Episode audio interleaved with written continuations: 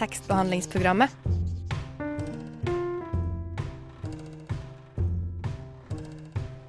Tekstbehandling på radio.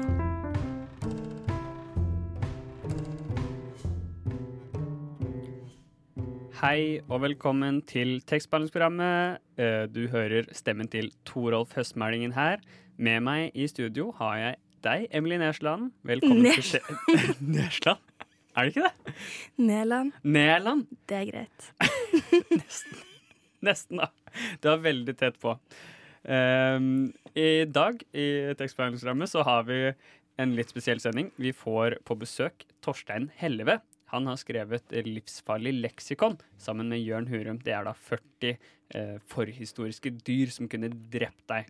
Eh, og det blir ja, litt av en eh, sending, eh, eller hva, Emily Ja, Neland? Jeg tror, den, jeg tror den blir farlig, farlig gøy. Farlig gøy, ja. Og farlig spennende. Farlig spennende. Det er voldsomt mange dyr i denne boka som dreper deg bare ved å tråkke på deg, men det kommer vi tilbake til etter hvert. Fordi først så skal vi ha en liten anbefaling fra din side. Ja, jeg, jeg har lest I det siste så har jeg lest 'Mor Godhjertas glade versjon', ja, av Jan Erik Vold. Den er ikke akkurat uh, ny, men den er veldig fin. Fordi, eller den er jo aktuell fordi uh, det har kommet en bok om den boka av Kaja Skjerven Mollerin, som har skrevet om den boka, da, og hvordan den er aktuell. Så den har jeg ikke lest, men jeg leste Jan Erik Vold sin diktsamling, som er veldig fin. Ja. Så man kan jo ta begge to i et jafs. Det er jo en bok som faren min er utrolig opptatt av. Fortsatt. Ja, den er veldig Oslo-relatert og Ja, bygger på trikk og ja. Ja. Den blå, store blå, som beveger seg gjennom gatene og sånne ting. Jeg har faktisk heller ikke lest uh, Mor Godhjerte, men jeg har historien om Mor Godhjerte hjemme, som er akkurat den boka du snakket om, Kaja Mm. Skjerven. Uh, har du en anbefaling? Ja, jeg har en bokanbefaling. En uh, litterær anbefaling. Det må ikke være litterært. Jeg tenkte egentlig å anbefale eh, Tekstbehandlingsprogrammet. TBP. Takks, takks tekstbehandlingsprogrammet. Så kan Tekstbehandlingsprogrammet. Det er jo en super, super anbefaling. Det er i hvert fall å anbefale å høre på tekstbehandlingsprogrammet uh, her på Radio Nova. Uh, det er fortsatt Torolf som snakker, og Emily Mæland er fortsatt i studio. Nå har vi også fått uh, Torstein Helleve i studio. Velkommen til oss. Jo, takk for det. Eh, du har jo skrevet eh, denne boka som vi skal snakke om, 'Livsfarlig eh, leksikon', sammen med da Jørn Hurum og Ester van Hulsten. Eh, hvordan er rollefordelingen deres cirka? Eh, Eh, det som jeg har sagt en gang eller to før, det er at altså, det er jeg som har pennen, og Ester som har penselen, og Jørn som har peilingen. Så ja, det er omtrent sånn. Ikke sant?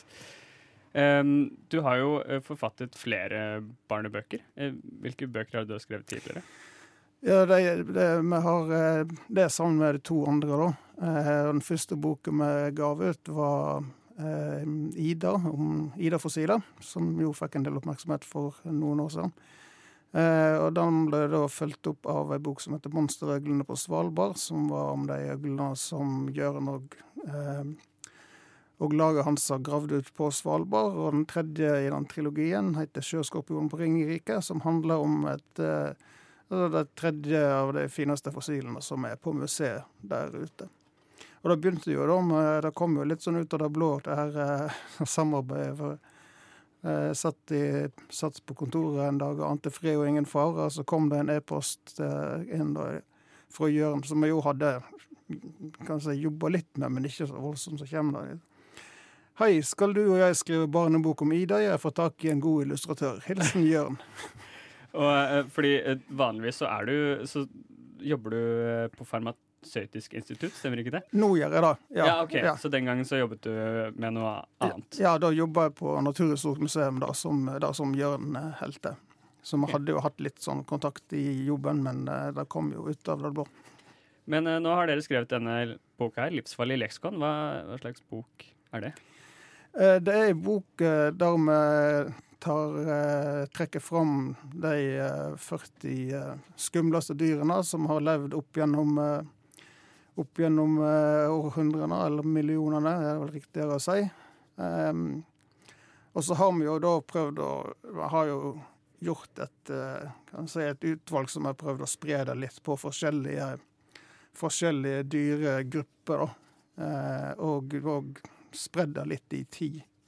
Eh, så det er jo ja, det er jo sånn eh, eh, dyr som kan eh, trampe på deg eller bite deg eller eh, ete deg, opp, deg. Forgifte Ja. deg. Ja. Alle dødsmetoder der.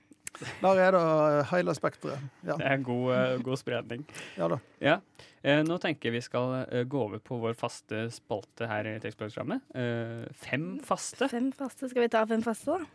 Ja. Ja. Fem faste i en forrykende fart. Fem faste i en forrykende fart! Eh, hva leser du nå? Eh, Bibelen. Hvilken font skriver du i? Eh, det aner jeg ikke. Jeg sier Cambria. Cambria.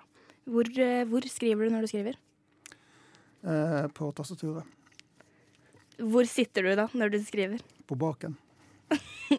Ikke noe spesifikt sted.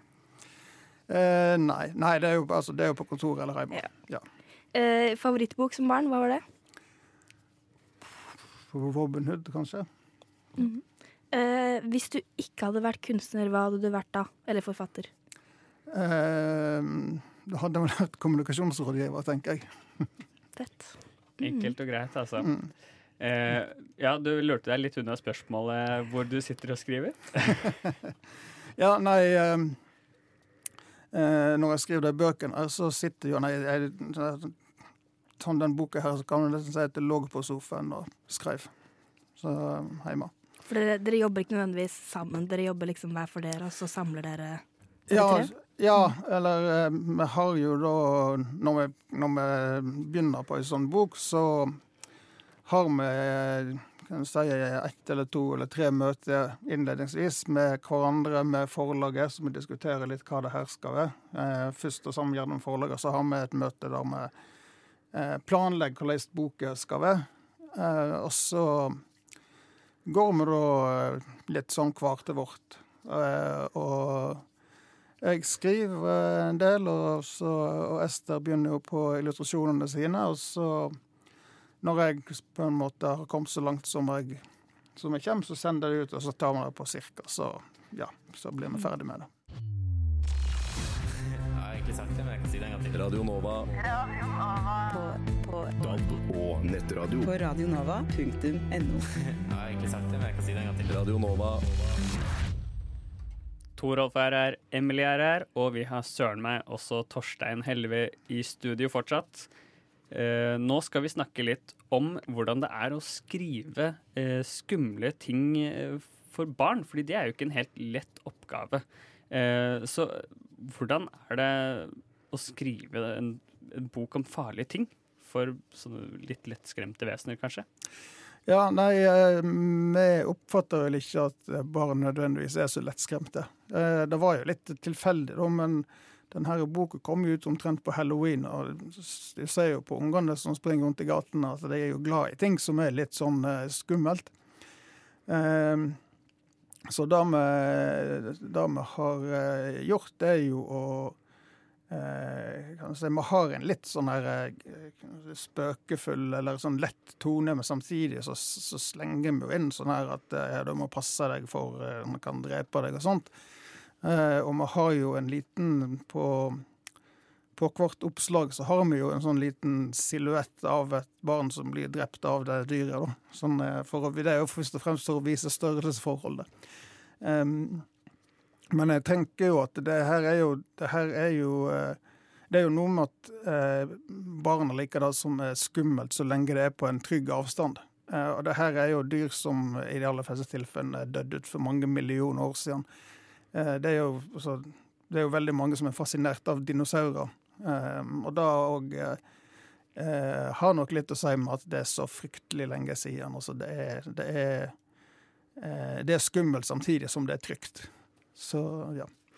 Eh, hva tenk, liksom, hvor faglig kan man være? For dinosaurer er veldig Det virker som et veldig komplisert eh, fagområde. Det er jo ikke så veldig mange som kan ting om det, med mindre de studerer masse eller er veldig inni det. Da. Så hva, hvor mye faglig materiale legger dere i disse bøkene med tanke på at det er rettet mot barn? da?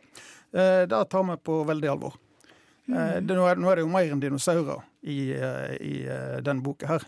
Eh, eh, nå er jo Jørn han er jo liksom regna som Norges eneste dinosaurforsker, så han er jo rette mann til å mene noe om de dinosaurene. Men, men alle de dyrene her er jo basert på fossiler som er funnet.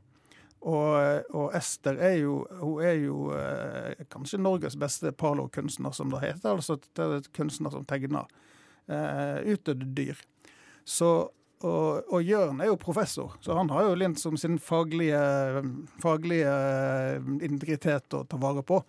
Eh, så han passer jo på at alt her er så korrekt som, som han kan få det. Men så er det jo da at eh, sånn, noen av de her dyrene er det jo bare funnet eh, hodet av. Så en veit jo ikke hvordan, eh, resten av kroppen har sett ut. Ja, dere skrev jo det i forordet, sånn det er mange kanskjer, Mm. fordi forskerne er usikre. Ja. Mm. ja. Og, men men de, er jo, de, har jo, de er jo uh, i stand til å gjøre kvalifiserte gjetninger. ikke sant? At de ser at OK, det her er dyret ligner på noen andre dyr som vi kjenner til, og de har den og den kroppsformen, så da har antagelig den òg noe sånt som det her. Men allikevel så er det jo en tegning av f.eks. En, en, eh, et dyr som stammer fra nese... Nei, eh, som stammer fra nesehornet. Som er slekt med eh, neser. Ja. Men som ikke ligner noe av det man Mm. har sett Mm. i dag eh, i det hele tatt. Ja, det er det, det er det jo, og det, sånn er det jo med en del eh, Med en del eh, kan si, eh, forhistoriske arter. Jeg nevnte jo Ida her i stad, og altså, vi stammer jo fra et dyr som var ganske likt Ida. Men hun var jo ikke større enn en katt. Så det er jo en ganske stor forskjell på, på oss og, oss og hun. Og, og, vi, sånn, og det, er jo ikke, det er jo ikke bare sånn at vi har blitt større, for vi òg stammer jo fra eh, primater som var større enn oss. Så vi har blitt litt mindre igjen. Det skjer jo med, med dyr at en eh, Det går litt opp og ned her i verden. Ja.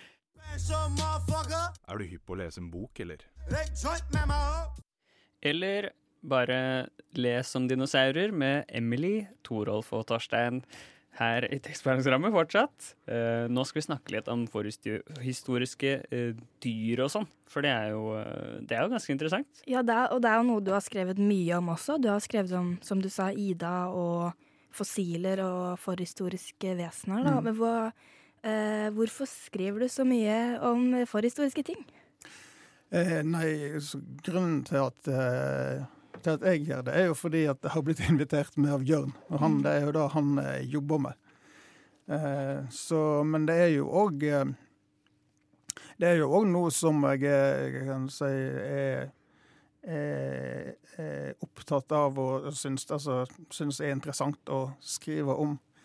Eh, men jeg har jo ikke den, eh, jeg har ikke den kan si, detaljkunnskapen om eh, om de forskjellige dyrene som, som Jørn og, og Ester òg har. Så det er litt sånn når vi sitter og når vi sitter og planlegger det her, så sitter jo de og kaster fram og tilbake sånne navn, eh, artsnavn eller slektsnavn på, på utdødde dyr. Jeg sitter jo bare med øynene i kryss og kommer inn med noen eh, dumme vitser innimellom. Sånn, eh.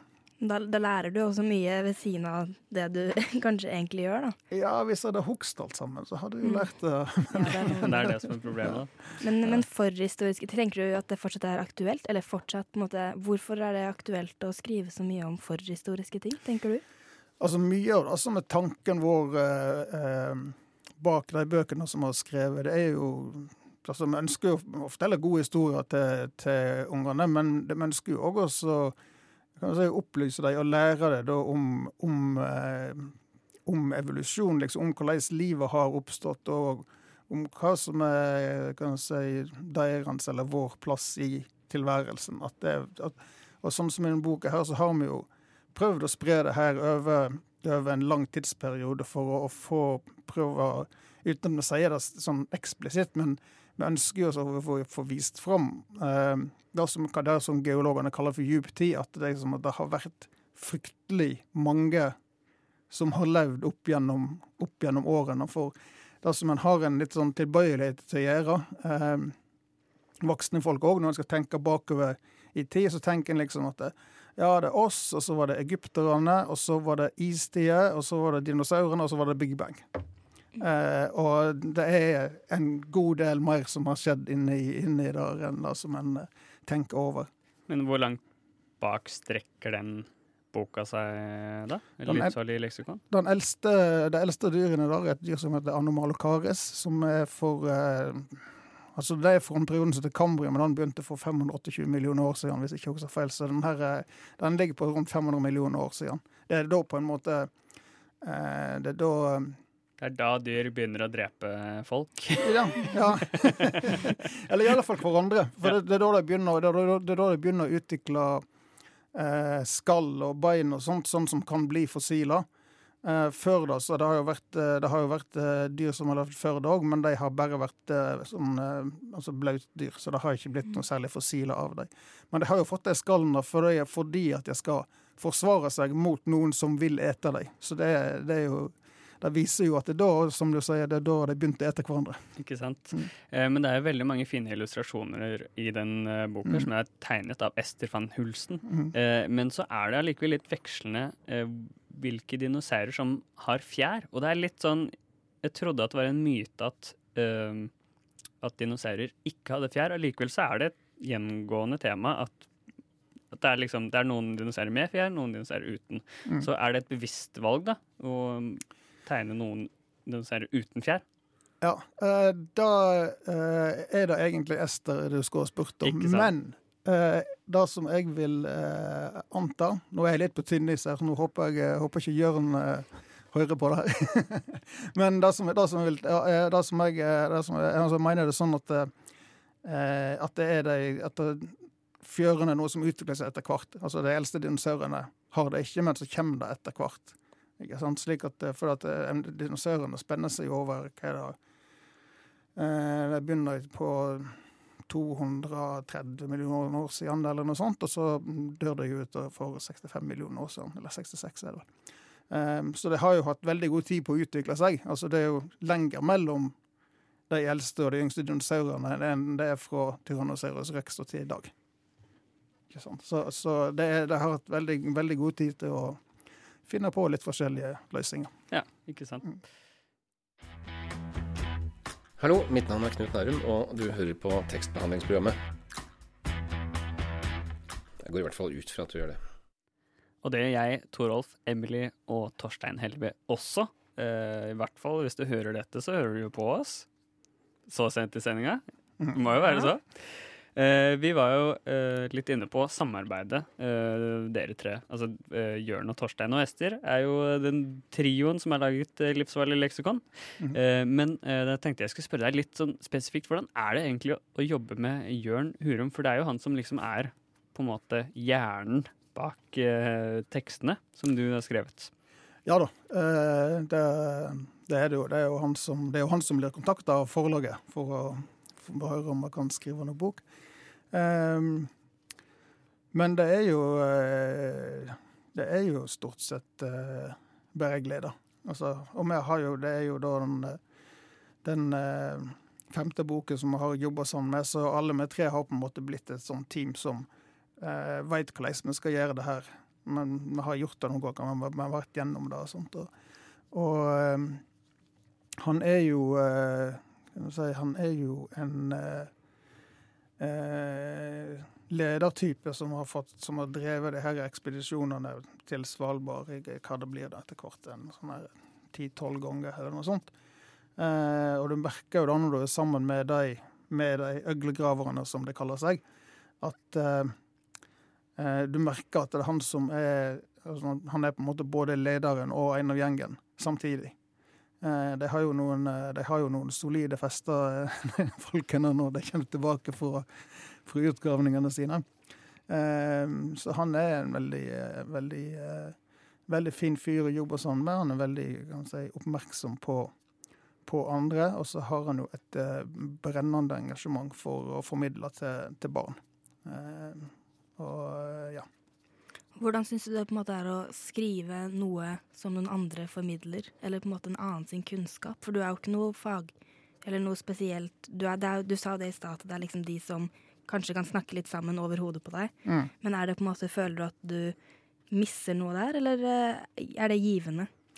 Eh, det er givende. Altså, det er eh, Ja.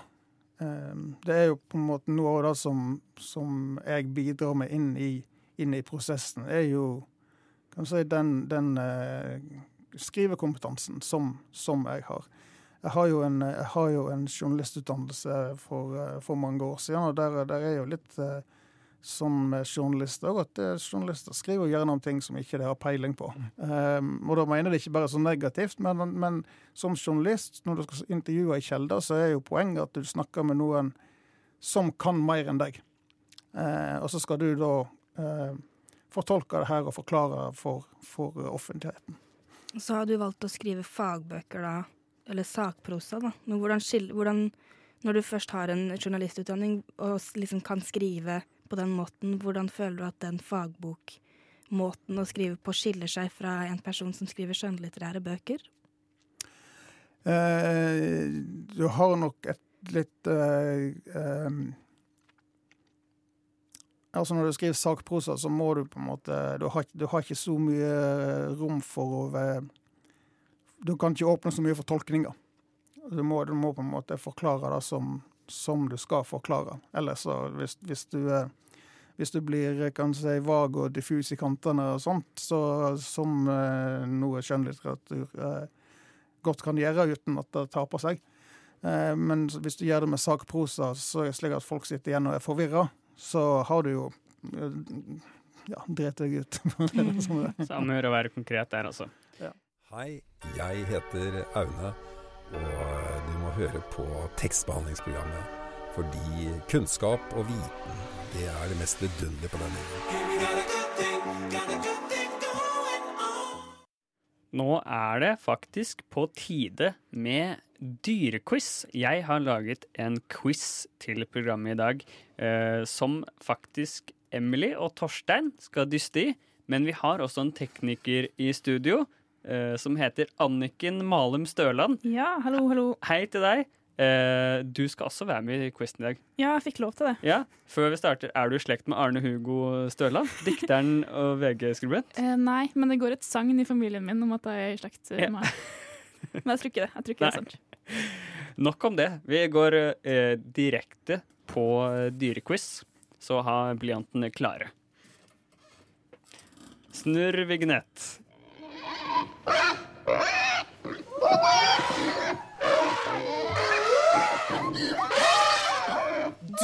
Dyrequiz.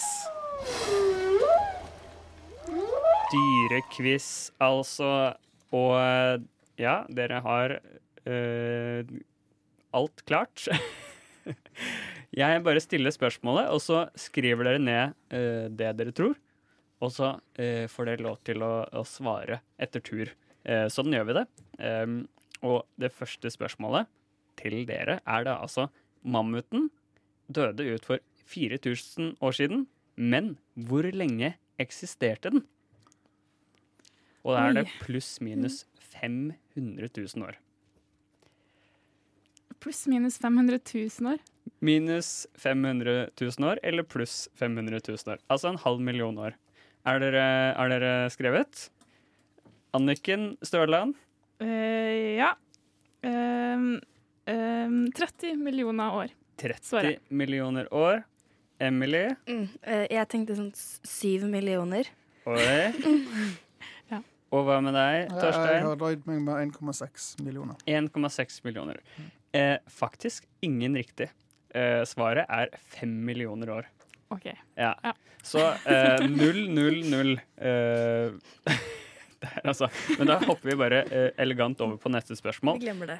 Ja, ikke sant? For hvor var det siste stedet mammuten levde? Dette står da i boka her. Som uh, eh, et tips kan være jeans.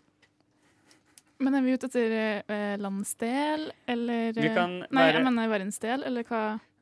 Eh, vi kan si land, men du får plusspoeng hvis du får det helt riktig. Okay. Pluss minus 500 000 år.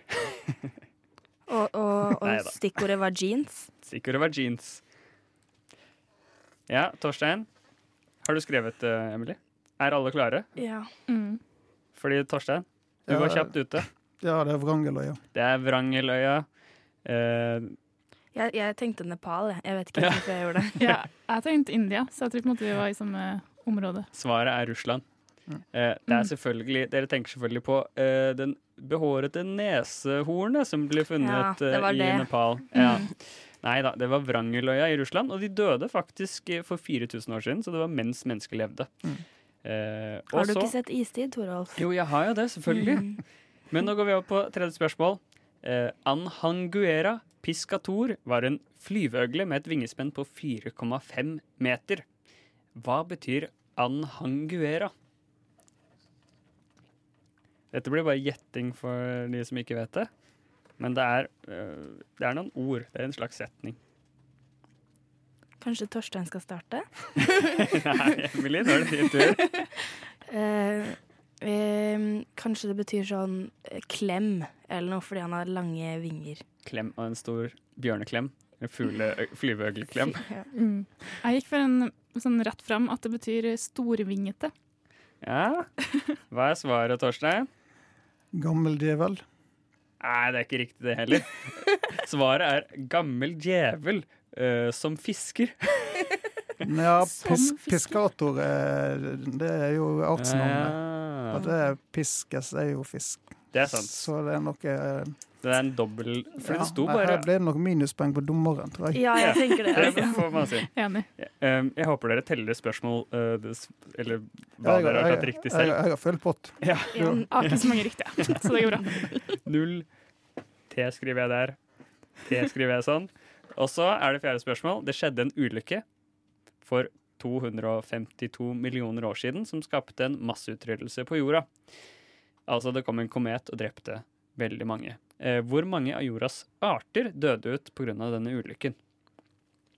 Hmm.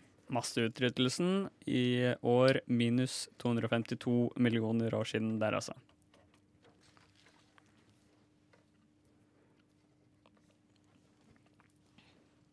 Ja.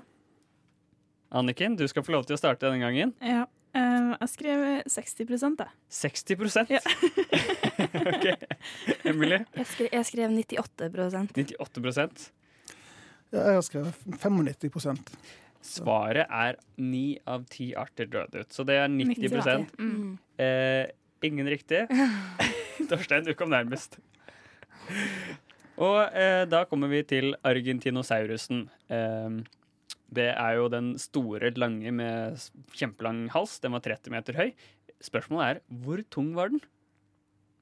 Han var nok ikke 30 meter høy, han var vel 30 meter lang. Oh, ja. 30 meter høy jeg tror ikke det er noen som har kommet opp igjen. Da, Det er helt sikkert riktig. da slipper jeg å svare Jeg på det andre Jeg greiene. Jeg Du er bare ansvarlig for den. Jeg, Jeg tipper, er jeg tipper sånn eh, 70 tonn. 70 tonn. Oi. OK, da sier jeg ti tonn. Ti tonn. Og Torstein? Nei, jeg, jeg syns at det var nok egentlig å svare på det der med hvor høy han var. Jeg skal svare tungen vår. Liksom. Nei, men jeg, jeg prøver på ja, 15 tonn. Da. 15 tonn. Svaret er 70 tonn, Emily. Oi, oi, Det bare satte seg i hodet. Ja, ja, ja. Og det er jo fordi det er så inn i himmelen tungt. Mm. Men da er vi faktisk eh, eh, ferdig med dyrequesten. Det var alle spørsmålene vi hadde. Eller jeg hadde. Men jeg, jeg har et Eh, nytt spørsmål. Nei, det har du ikke. Fordi Nå må vi faktisk si farvel til Torstein. Vi er uh, gått tom for tid. Eh, men det har vært utrolig uh, hyggelig å ha deg på besøk. Ja, hyggelig å være her. Og jeg kan jo bare spørre deg kjapt. er det noe du jobber med nå? Som du Ja, uh, Jørn og jeg har en bok eh, som uh, kommer eh, i januar, ifølge forlaget, som heter 'Borgers forbudte bok'. Steingale samlere og pillråtne på haver. Så eh, vi kan godt komme tilbake igjen om et par måneder og snakke om den hvis du ønsker. Definitivt. Da ses vi om et par måneder. Eh, tusen takk for at du hadde lyst til å bli med i. Tekstprogrammet. På tide å skru på tekstbehandlingsprogrammet. Yndlingssykkelen de siste seks-sju månedene er en enhjulssykkel. Vi har Marie Eibert på besøk. Jeg og Eline. Marie og Bær. Jeg tenker alltid at en T slutter med ø, h, h, h, h, utropstegn, utropstegn. Det er bare tekstbehandlingsprogrammet. Nei, det var ikke så mye å se. Jo da, det er masse å se her. Eh, eller høre, da, eh, hvis du eh, foretrekker radiomedie. Jeg glemte selvfølgelig helt å si at det selvfølgelig var Torstein som vant Dyrequizen. Ikke så veldig overraskende det er der. det. Han har skrevet boka, liksom. Eh, Anniken fikk null poeng, mens Emily fikk ett poeng. Så eh, sånn gikk det, altså. Men nå skal vi over til noe helt annet.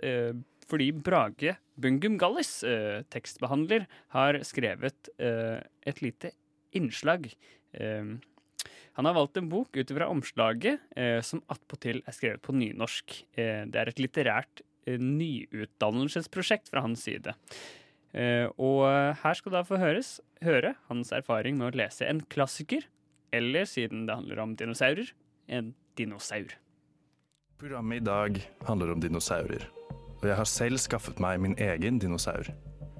Dinosauren jeg har skaffet meg, er fra 1942, skrevet av en østerriker, og blir regnet som en av de mest betydningsfulle tyskspråklige forfatterne fra mellomkrigstiden.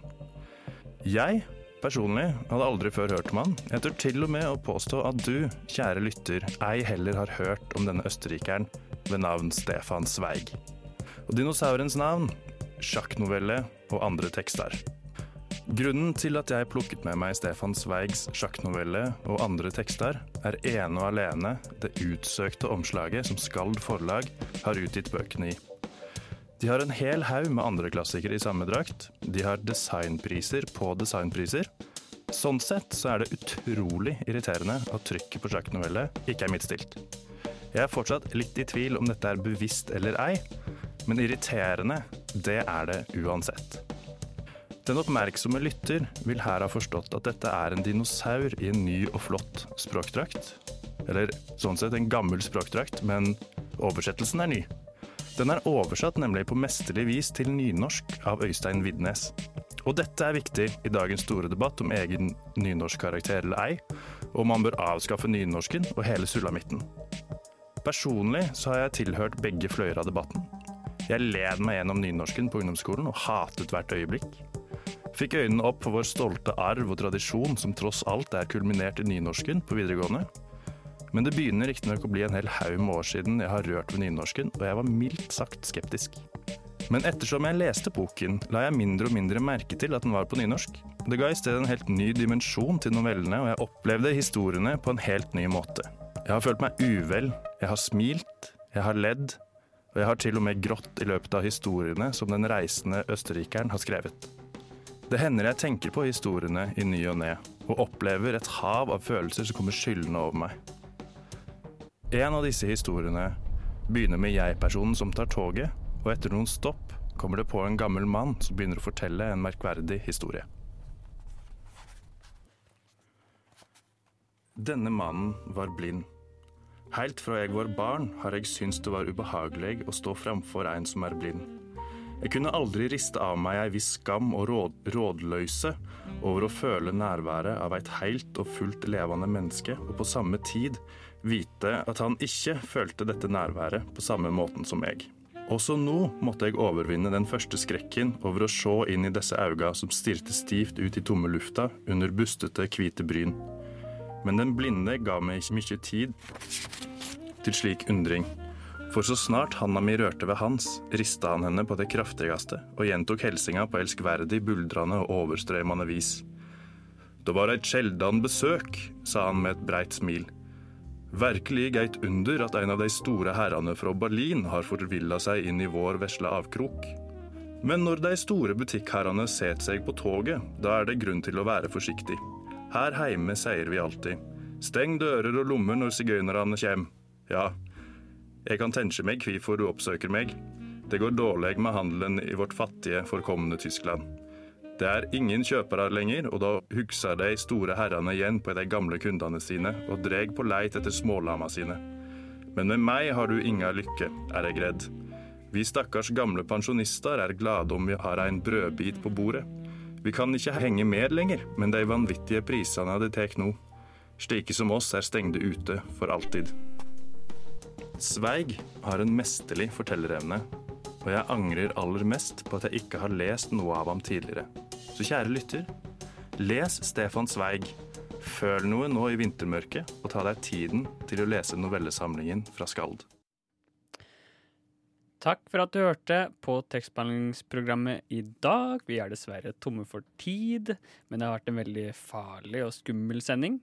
Eh, Men hvis du ikke får nok av oss i tekstbehandlingsprogrammet, hva kan du gjøre da, Emily? Jo, da kan du både følge oss på Instagram og Facebook, og høre på tidligere sendinger på podkast-apper eh, som du foretrekker. Det er et eh, hot tips. Eh, neste uke kommer Kjersti Bjørkmo eh, for å snakke om boka 'Hadde du bodd her, så hadde du vært hjemme nå'. I studio var Torolf Høstmælingen.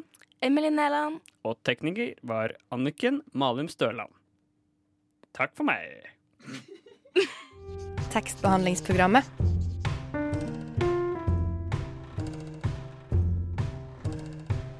Tekstbehandling på radio.